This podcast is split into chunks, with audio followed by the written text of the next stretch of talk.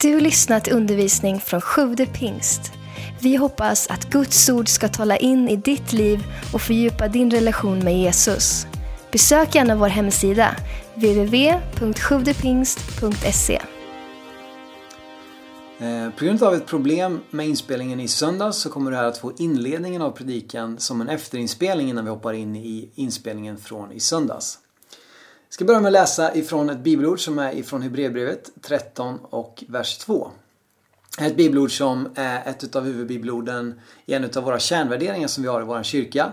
Eh, våra kärnvärderingar handlar om eh, hur vi vill vara, hur vi vill vara som kyrka, eh, saker som är centrala för oss. Och det står så här i Hebreerbrevet 13 och vers 2. Glöm inte att visa gästfrihet, för genom gästfrihet har några fått änglar till gäster utan att veta om det. Och eh, så som vi har formulerat en av våra kärnvärderingar är att vi är gästvänliga. Eh, och vad det handlar om det är att vi vill ha öppna hjärtan, göra plats för nya människor i våra liv. Eh, och vi har sagt så här också att vi vill bemöta människor så som Jesus älskar dem.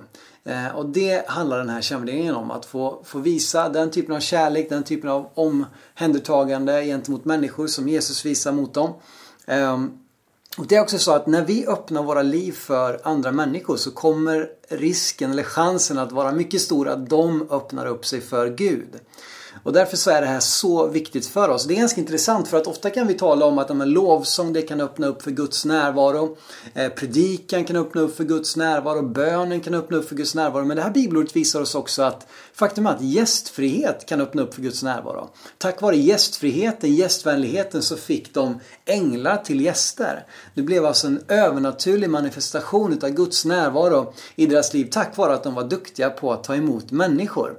Eh, och det här är så otroligt intressant och därför så vill vi verkligen värdera eh, hela våra, alla våra volontärer som har detta som sitt huvudfokus att skapa en välkomnande atmosfär eh, och att få vara hedersgäster. Och därför är våran kärnvärdering att vi är gästvänliga. Och Eh, Eh, det är ganska intressant faktiskt när man studerar och läser om Jesus hur ofta Jesus var gäst hemma hos människor eller ofta Jesus gick på fest faktiskt.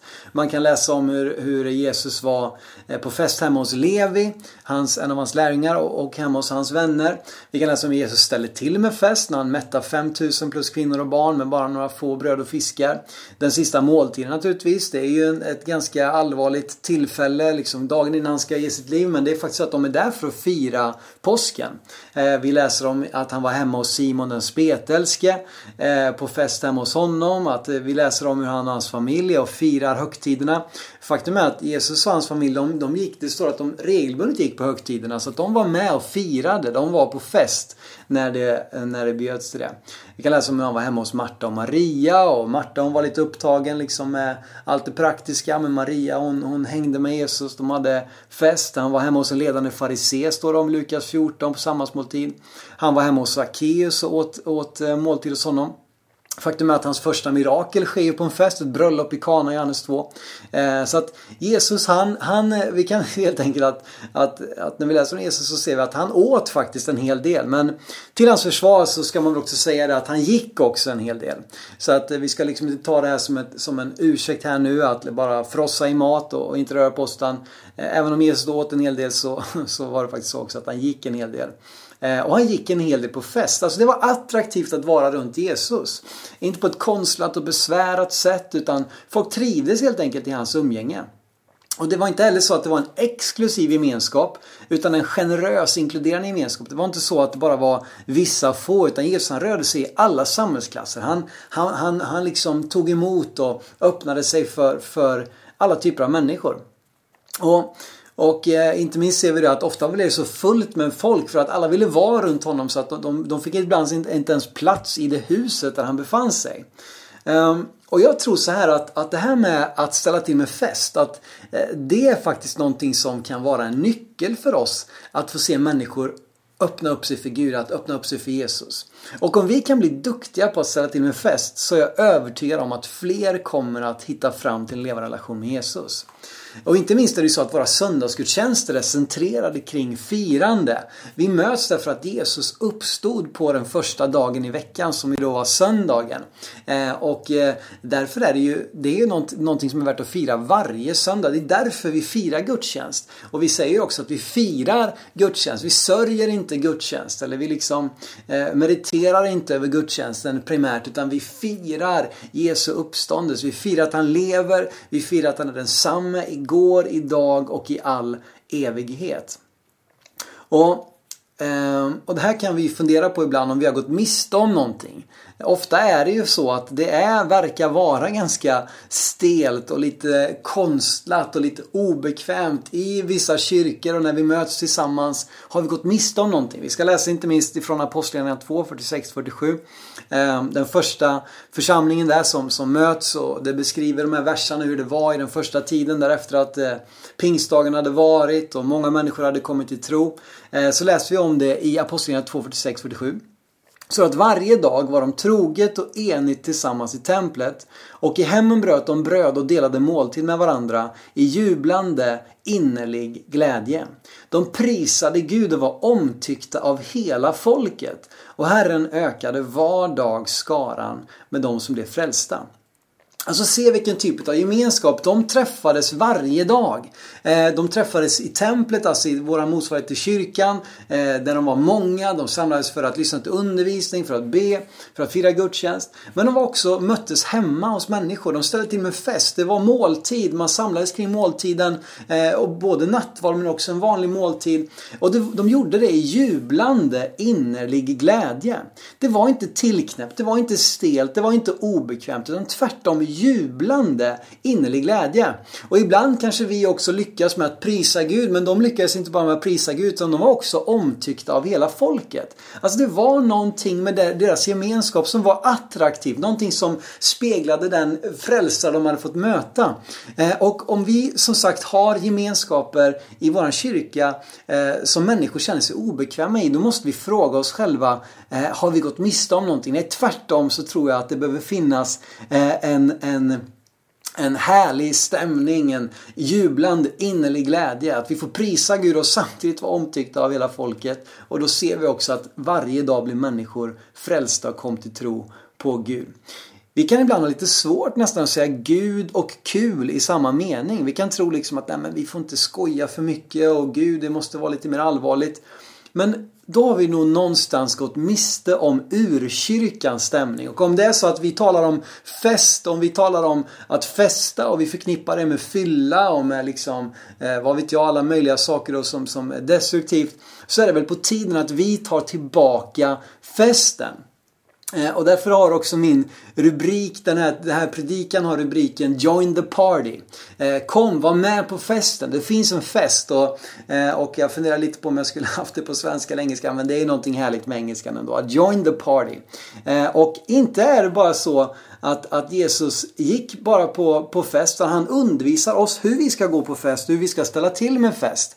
Ja, man skulle kunna tala om en festologi. Eh, alltså att, eh, att det finns en lära om festen. Jag menar, vi har massor olika, eh, olika läror i den kristna tron. Vi har teologi, läran om Gud. Vi har eh, pneumatologi, läran om anden. Vi har eklesiologi, läran om församlingen. Eh, eskatologi, läran om den sista tiden. Men jag skulle här nu vilja presentera för dig en festologi, läran om festen. Och eh, nu ska vi hoppa in då i predikan ifrån söndagsinspelningen därifrån. Där vi ska få se och lära oss och höra om hur Jesus talar om och visar oss hur vi ska gå på fest. Lukas kapitel 14, vers 7-11 står det så här. När han, alltså Jesus, märkte hur gästerna valde ut de finaste platserna berättar han en liknelse för dem. När någon bjuder dig till bröllop, ta då inte den finaste platsen vid bordet. Kanske någon annan av gästerna är mer ansedd än du. I så fall kommer den som bjudit både dig och honom och säger till dig, genom din plats, och då får du skamsen ta den nedersta platsen.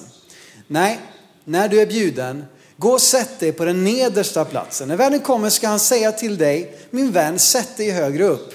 Då blir du hedrad inför alla de andra gästerna var och en som upphöjer sig själv ska bli förödmjukad, men den som ödmjukar sig ska bli upphöjd. Jesus visar två olika slags attityder av människor som kommer på fest. Han visar en attityd som, nu ska jag dricka, jag ska inte bara stå och hålla i flaskan. Mm. Två olika slags attityder. En attityd som kommer för att synas, framhäva sig själv eh, på ett, på ett liksom osunt sätt. Han visar, och som vill vara populär, vill få hedersplatsen. Eh, och, och, det finns liksom en attityd av en, en självcentrering, en självhävdelse, att framhäva sig själv. Men han visar också på någonting annat, nämligen att gå för att tjäna. Gå med en ödmjukhet. Gå inte dit för att framhäva dig själv, utan gå dit med ödmjukhet. Och därför är min första punkt, gå för att tjäna. Kom på fest för att tjäna. Kom på fest för att bidra.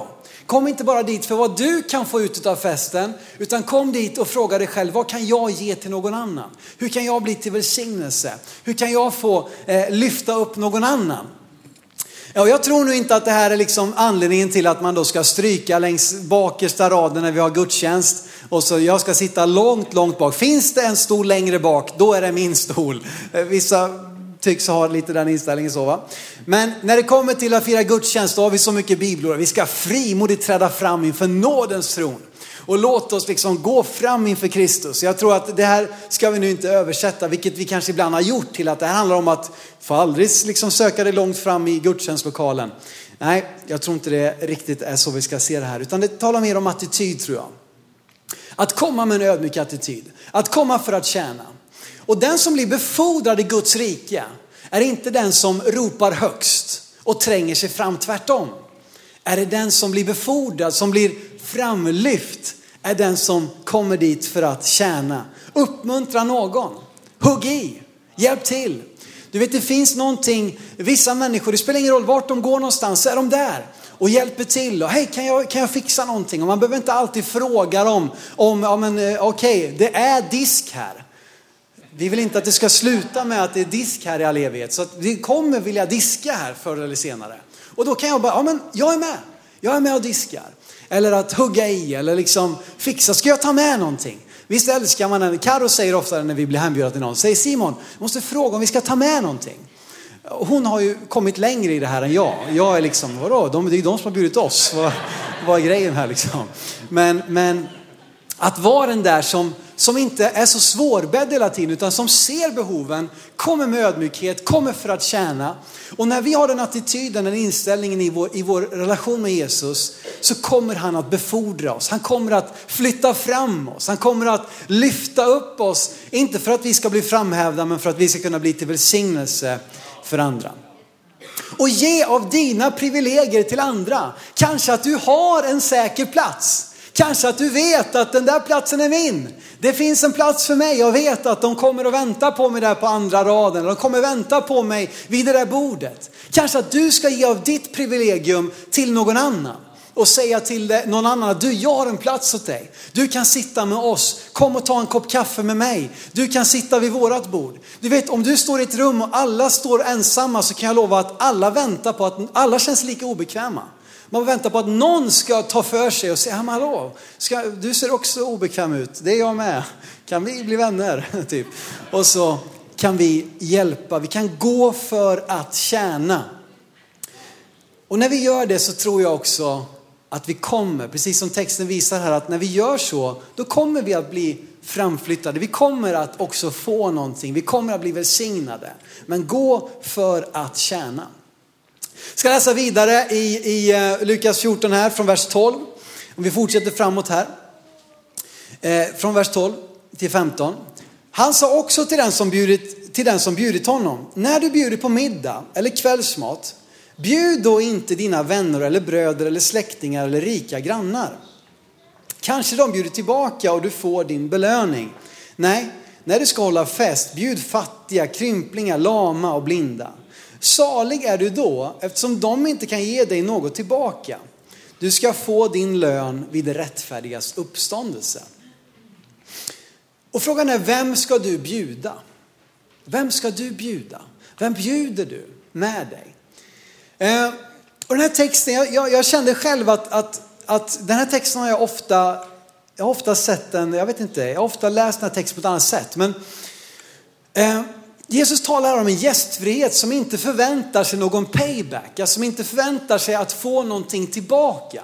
Som inte förväntar sig att okej, okay, om jag bjuder honom då är det nog stor chans att han kommer lägga fram ett gott ord för min liksom arbetsgivare och då kanske jag kan få en befordran. Alltså det är inte att man söker och lirkar efter vad man kan få ut av en inbjudan, utan att bjuda människor bara för att bjuda människor. Jesus gav inte sitt liv för dig för vad han skulle få ut av dig. Han gjorde det osjälviskt och med bara ett hjärta av att få visa dig kärlek. Som inte bjuder för att avancera den sociala hierarkin och tänker vilka är mest inflytelserika här och de borde jag nog träffa, de borde jag umgås med. En gästfrihet som belönas och välsignas av Gud tycks vara en osjälvisk gästfrihet.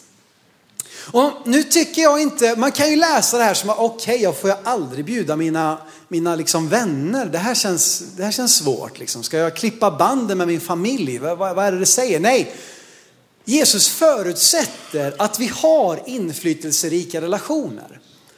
Han säger ju dina rika grannar, han säger din, dina släktingar, dina vänner. Så jag tror inte vi ska se det här som att vi inte ska ha den typen av relationer. Men jag tror att Jesus säger stanna inte där.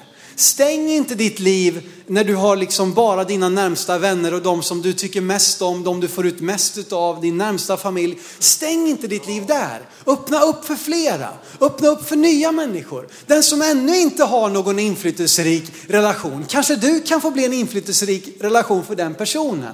Så jag tror inte att vi ska se det här som att Jesus säger att vi aldrig får umgås med våra nära vänner. Men låt det inte stanna där. Låt det inte sluta där. Och kanske också att ni, ert, ert gäng, eh, kompisgäng, ibland kan det vara svårt att bjuda någon själv kanske.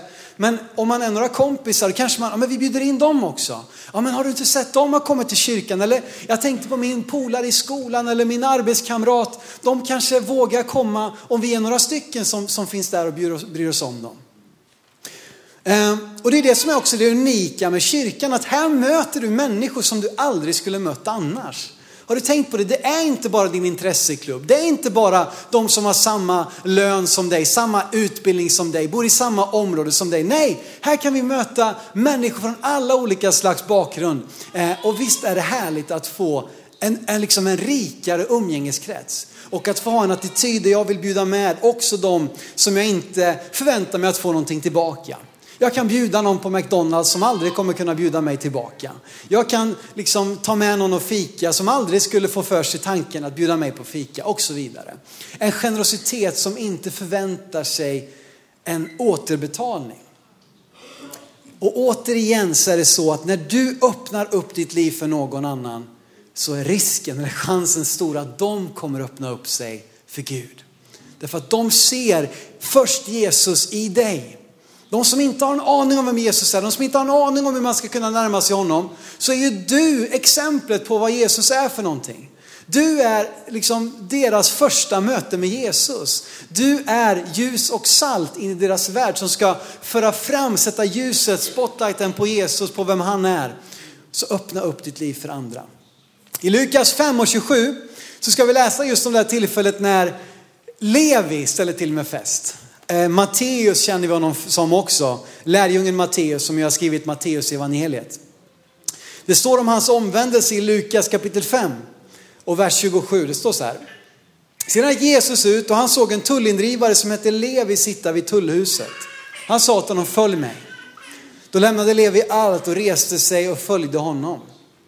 Och se vad som hände här direkt efter Levis omvändelse. Levi ordnade en stor fest för Jesus i sitt hem. Och en stor mängd tullindrivare och andra låg till bords med dem. Fariséerna och deras skriftlärda kritiserade hans lärjungar och frågade, varför äter och dricker ni med tullindrivare och syndare? Jesus svarade dem, det är inte de friska som behöver läkare utan de sjuka. Jag har inte kommit för att kalla rättfärdiga till omvändelse utan syndare. Och det här är en sån hemlighet, att Jesus hade inte problem att omge sig med människor som kunde riskera att ge honom ett dåligt rykte. Han, um-, han omgicks inte bara med människor som skulle liksom lyfta fram honom, få honom att framstå i god dager. Nej, han om, omge, omgav sig med människor från alla typer av, av, av, eh, av bakgrund. Glad i hågen går Jesus på fest med människor, en grupp människor som på ett överväldigande sätt inte tycktes följa Jesus, tullindrivarna. Alltså de som, var, de som hade allierat sig med ockupationsmakten, romarna. Alla avskydde tullindrivarna. Därför att de var ju liksom på något sätt, de, de, hade, de var med fienden och många av dem roffade åt sig och tog mer än vad de skulle ha. Så det var ju en, en grupp människor som, som var väldigt illa omtyckta. Och det står också att det kom andra. Att det, i, i, I sammanhanget, och i, jag tror det är ett annat eh, evangelium där det står om här också, så kan vi se att det, det, är nog ganska skumma typer som är på den här festen om man säger så. Men Jesus han går dit, han har inga problem med det. De som hade problem med det var ju den liksom religiösa eliten, de skriftlärda. Och jag tror att vi så många gånger kan ha det här samma problemet, att vi, vi får för oss att vi ska stänga dörren till alla våra relationer som inte då är med människor som redan är härligt frälsta och följer Jesus. Vi ska stänga dörren, stänga, vända ryggen till alla dessa människor. Jesus är inte nervös över att du umgås med, med liksom människor som inte känner honom. Det finns relationer som är dåliga och liksom kommer dra dig ner som du kanske behöver klippa med. Men de allra flesta tror jag som du känner av vänner och folk i ditt eh, fotbollslag eller på din skola, i ditt, i ditt grannskap är ju helt liksom vettiga människor, goa människor som kommer att kanske deras väg till ett möte med Jesus är genom dig. Och om du stänger, vänder ryggen till dem så kommer de ju tänka okej, okay, det där med Gud det är nog ingenting för mig.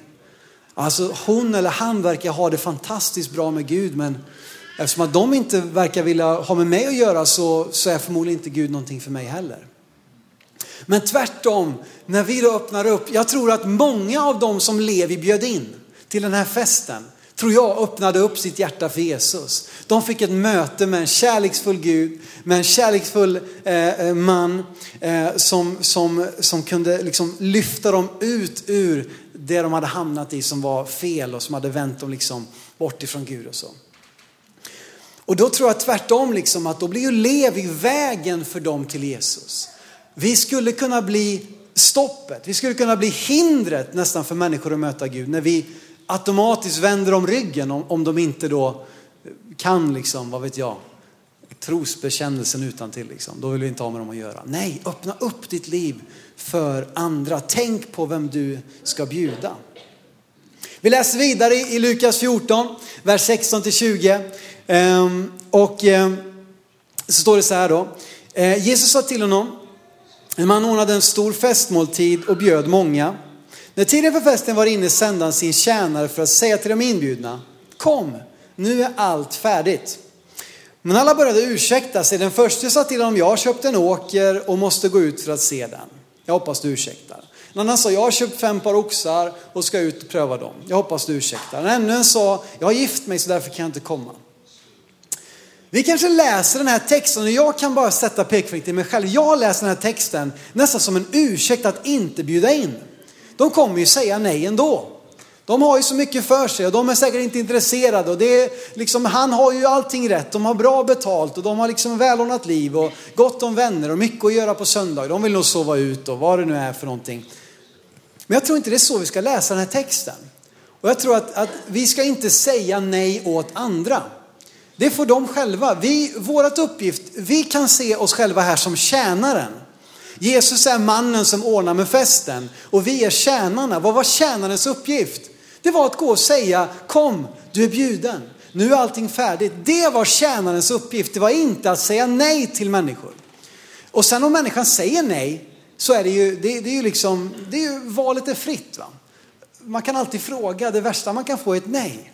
Men låt oss inte använda det här som en ursäkt att inte bjuda. Utan låt oss ha det som en, tvärtom, slappna av. Det är inte så farligt att få ett nej. De kanske säger ja nästa gång. Vår uppgift är att bjuda in. Och det är inte så konstigt egentligen att man väljer att tacka nej första gången. Du vet, det är obekvämt att komma till ett nytt sammanhang liksom. En helt nytt social kontext, det är superobekvämt. Alltså jag, jag kan komma på mig själv ibland om jag kanske ska predika i en annan kyrka. Jag som har gått i kyrkan i hela mitt liv och varit i alla möjliga sammanhang och så kommer jag som en predikant. Men eh, det är ett nytt sammanhang och jag, jag känner ingen där direkt. Eh, och jag kan känna mig obekväm i den kyrkan, i den foajén. Och det är ingen liksom, det verkar, och där är predikanten, så här kan det vara ibland liksom. Vi får nog inte tala med honom tror jag inte. Eller, jag vet inte vad man har för... Men så är det ibland när man kommer till en kyrka liksom. Ja, jag ska predika. Ja, kul. Ja, ska jag... Ja, jag står väl här en stund då. Och så kan jag känna mig när jag kommer till en ny kyrka. Hur mycket mer då inte för någon som aldrig varit i en kyrka? Undra på att man tackar nej första gången eller andra gången, tredje gången. Och jag tror också att många kanske tackar nej första gången för att de vill veta att du inte bara säger det av tvång, liksom att du känner en plikt att bjuda in. Ja, vad skönt att de sa nej, då slipper jag säga igen. Men om du frågar igen, då kommer de inse att han eller hon vill faktiskt att jag ska komma. De verkar bry sig om mig. De verkar vilja det här. Det är lite grann som du vet när man ska ta den sista tårtbiten. Visst är det så? Har ni haft något kalas här i sommar och bjudit på jordgubbstårta kanske? Och så har man kommit till den skälvande liksom, momentet när det bara finns en tårtbit kvar. Och så säger du då till, ja men vill du ha den här? Och som en god svensk så säger man nej, nej, nej. Ja, nej, inte jag. Inte jag. Och kan, jo men ta den här nu. Nej, nej, nej, nej. Jo men ska du inte ha den här sista biten? Och där någonstans så kanske vi liksom, ja men visst, jag tar den. För att man vill inte tränga sig på. Och så tror jag det kan vara också när vi bjuder med människor till kyrkan eller liksom till, till vårat hem eller vad det nu är för någonting. Sen finns det de som inte alls har det här problemet, som min far till exempel. Får han en sån fråga, vill du ha den sista biten? Absolut, säger han bara. Och min mamma hon har sagt till mig så här att Simon, tacka aldrig nej till en välsignelse, säger hon.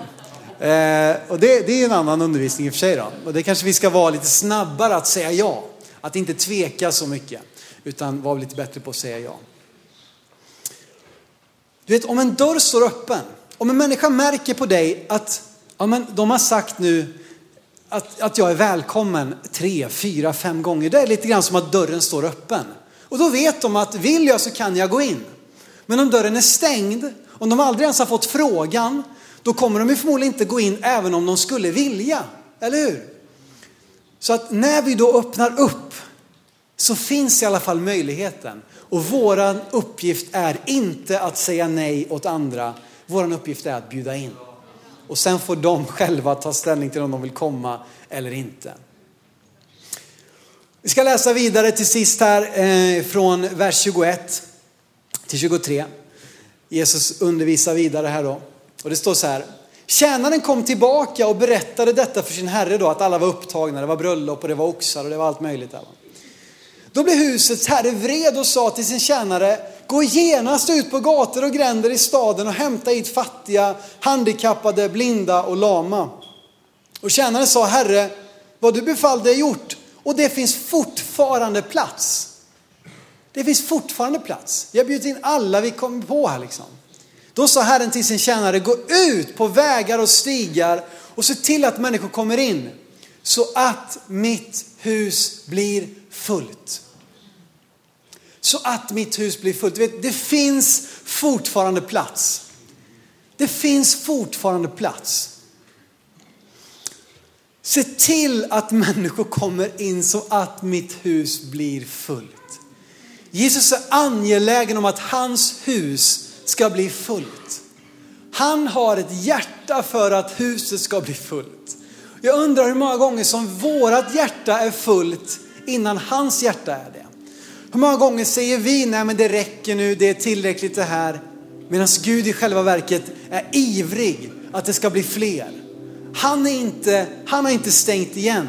Hans hjärta är inte fullt, hans hus är inte fullt. Jag älskar att komma på fest hos människor som kommer från Mellanöstern. Vi var på lite studentfiranden här och alla studentfiranden var jättehärliga. Men just när man kommer till ett, ett firande med Mellanösternmänniskor, då förväntar de sig att hela staden ska komma. Har du tänkt på det? Du vet, det finns mat va? i sådana mängder, i sådana kopiösa, liksom, det finns kött och det finns olika varianter och det är liksom en förväntan att nu måste vi laga här för vi måste, vi, förmodligen kommer alla komma. Det måste finnas till alla.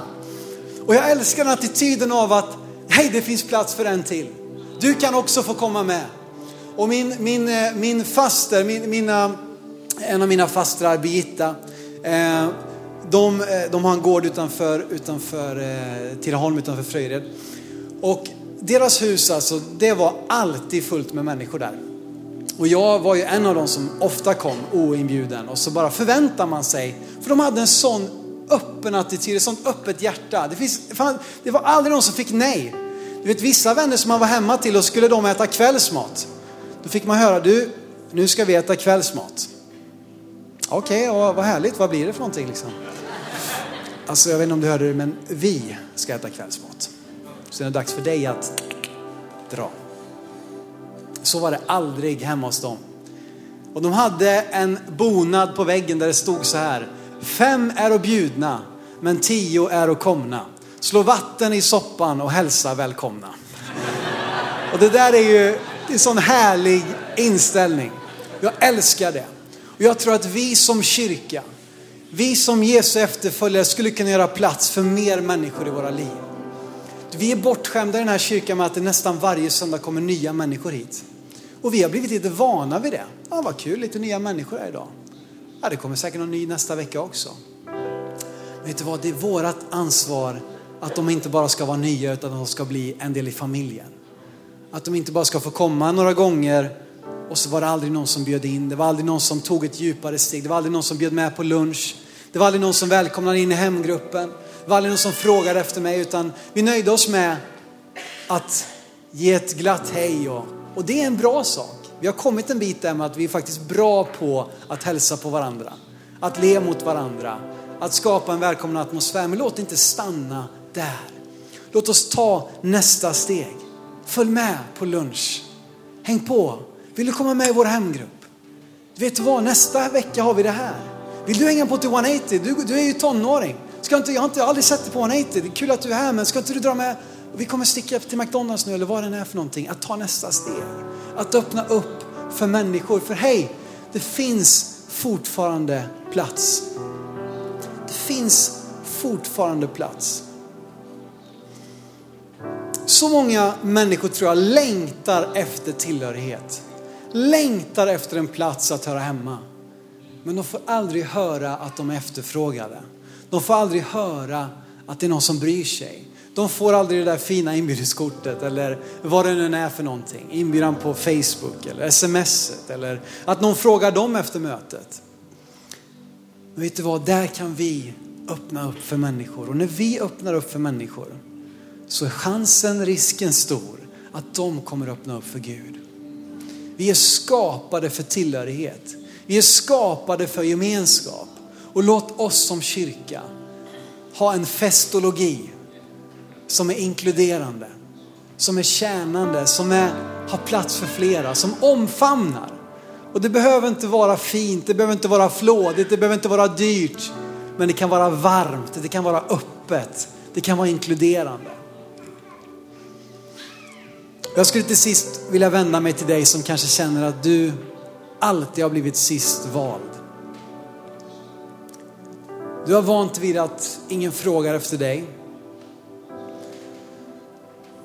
Men då vill jag säga till dig att Jesus har valt dig. Fadern frågar efter dig. Fadern frågar efter dig. Vart är mitt barn? Vart är han? Jag skulle så gärna vilja att han kom hem, att hon kom hem.